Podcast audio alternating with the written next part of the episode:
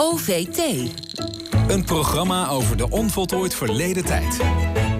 Op 1 juli 1863 was het zover. De slavernij werd bij wet afgeschaft in Suriname en de Antillen.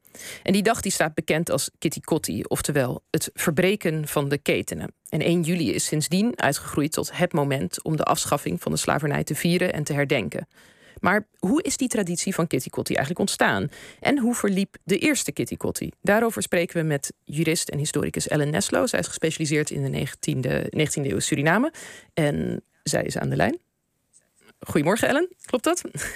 Goedemorgen. Goedemorgen.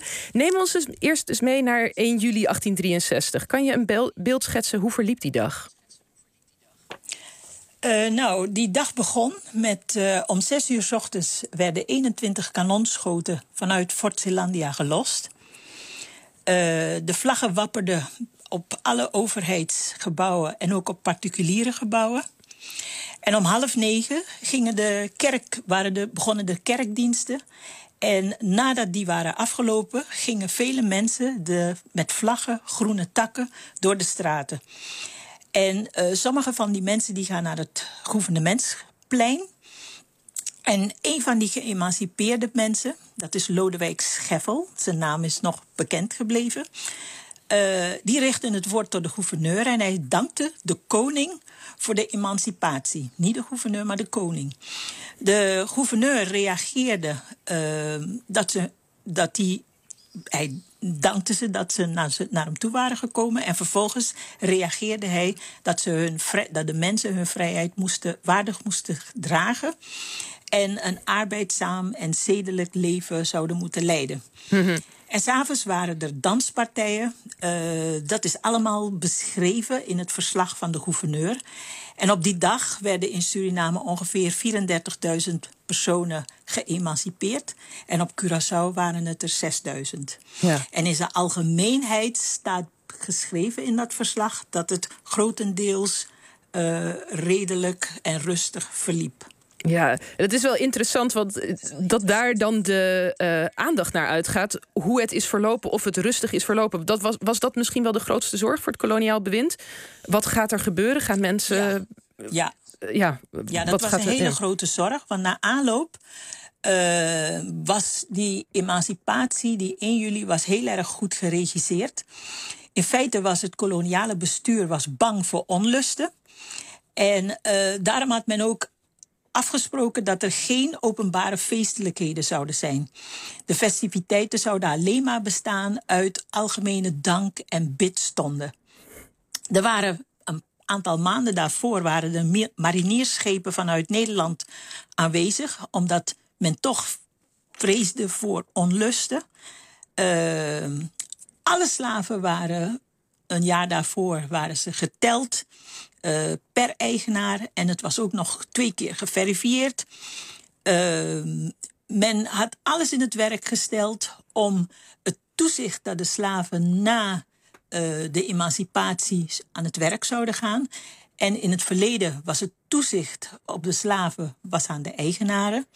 En nu werd het toezicht overgedragen aan de districtscommissarissen. Die werden benoemd. 16 in totaal. En die zouden ervoor moeten zorgen en erop toezien dat alles goed zou verlopen en dat de slaven dus verder aan het werk zouden blijven. Maar er was ook heel veel uh, onduidelijkheid en wantrouwen van zowel de slaven als de eigenaren. Want uh, vooraf waren er verschillende opstanden op de plantages geweest. Uh, verschillende vormen van werkweigering. De slaven die wilden op aantal plantages waren het aan, aan slaven die groepen slaven die zeiden we gaan niet meer aan het werk. En sommigen zijn ook zelfs van de plantage gevlucht. Wat je ook ziet is dat eigenaren op een gegeven moment ook hun eigen plantages verliepen, verlieten. Want ze dachten van nou, het gaat er hier uh, niet goed aan toe. Ja. Uh, en ze verkochten soms ook hun plantage. Wat je ook ziet is dat een aantal van die verlaten plantages, uh, de slaven lieten ze dan werken in Paramaribo.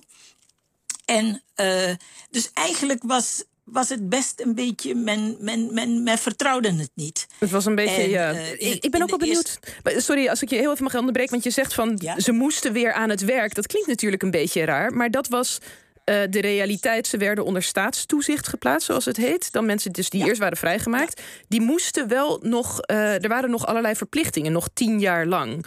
Ehm, ze moesten werk vinden, contracten afsluiten, et cetera. Er zijn nu ook stemmen die gaan op die zeggen van ja, omdat er eigenlijk dus nog voorwaarden zijn gesteld aan die mensen die toen zijn vrijgemaakt, tien jaar lang, kunnen we pas vanaf 1873 de slavernij echt voorbij noemen. Hoe kijk jij daarnaar? Nou, ik denk dat dat geen goede redenering is, want in principe.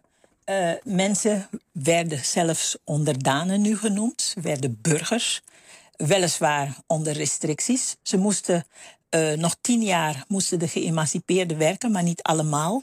Uh, de mensen tussen de 15 en 16 jaar, die moesten een contract voor één, twee of drie jaar sluiten. Ze mochten ook zelf bepalen op welke plantage ze wilden werken.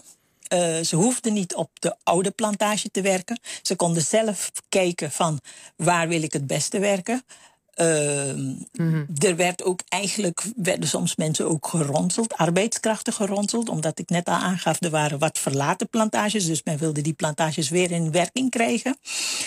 Uh, dus, en ook in Paramaribo was het zo dat mensen uh, in feite uh, moesten aantonen van ik heb werk. En in feite ging het ook de overheid daar, daarom. Ja. Mensen moesten werken, de overheid wilde hun niet verzorgen, zou hun ook niet verzorgen. En ze moesten hun eigen, uh, eigen levensonderhoud voorzien. Ja, dus het is wat dus dat betreft het verschil is groter ja, met, met, wat, met de situatie ervoor. Mensen hadden iets meer vrijheid. Ja, en ehm, nou ja, dit schetst een beeld van hoe die eerste Kitty Kotti verliep. Hoe ging dat dan in die jaren daarna? Is het vanaf dat moment zo elke 1 juli dat mensen stilstaan bij deze dag? Of wanneer komt dat? Nou, in principe is het dat men altijd uh, vanaf die eerste dag en daarna, dat kan je ook lezen in, de, uh, in Delver, in de krantenartikelen, uh, zie je dat mensen altijd blijven stilstaan bij die dag. Er zijn altijd gebedsdiensten. En je, ziet, je leest ook altijd dat mensen zich uh, mooi aankleden. En dat, ze, dat er s'avonds danspartijen zijn. En dus er is altijd een, een, vorm van gedenken en vieren geweest. En uh, dat is de eerste jaren zo doorgegaan. Uh, op een gegeven moment bij het eeuwfeest zie je ook, er, zijn, gaan op een gegeven moment begin, 19, uh, begin uh, van de 20e eeuw, rond 1903, gaan er stemmen op van we moeten eigenlijk die dag groter gaan vieren en het moet een algemene dag worden. En langzaam zie je dat dat ook tot een algemene dag wordt, een vrije dag wordt. En dat, uh, maar, de, maar de combinatie van gedenken en vieren, dat is uh, gebleven. Ja, en je zegt een vrije dag wordt, dat is natuurlijk in Suriname zo, in Nederland nog niet zo. Um, als we gaan naar de, uh, de situatie in Nederland, het is zo dat Kitty Kotti wordt de laatste jaren steeds bekender. Um, ook onder, onder witte Nederlanders die er misschien de laatste, uh, daarvoor niet veel van meekregen. Um, aanstaande zaterdag 1 juli wordt er een nationale herdenking vindt er plaats met koning erbij, de minister-president, ook de opening van een nationaal herdenkingsjaar slavernij daarmee wordt Kitty Kotti ook steeds meer iets uh, wat niet alleen door de Surinaamse gemeenschap wordt gevierd, maar door de hele, uh, gewoon door alle Nederlanders. Hoe kijk je daarnaar? Nou, ik denk dat het een heel goede zaak is uh, dat men gedenkt en viert. En hoe je dat doet, dat zal ieder voor zichzelf moeten bepalen. want dat zie je ook in Suriname. De bevolking is heel verschillend. Dus de een gedenkt meer en de ander die viert meer. En uh, ik denk dat dat in Nederland ook het geval zal zijn. Het, heeft, het is het is onze gezamenlijk een gedeelde geschiedenis. Het is een geschiedenis ook van Nederland. En in feite zal je je eigen geschiedenis moeten kennen. Wil je ook een, eh, een duurzame, veerkrachtige samenleving zijn. En waar de co uh, sociale cohesie noodzakelijk is. En dan zal je dus ook je moeten verdiepen in de geschiedenis van groeperingen die hier wonen. Maar ook in je eigen geschiedenis. Het is een koloniale geschiedenis, maar het hoort bij ons. Dus eigenlijk zou je dat ook moeten weten. Mm -hmm. Maar hoe je dat dat doet, hoe je het viert, hoe je het herdenkt, hoe je erna wil kijken, dat zal op een individuele basis moeten blijven. Ja, goed. Dankjewel Ellen Neslo, historicus en jurist, voor dit gesprek.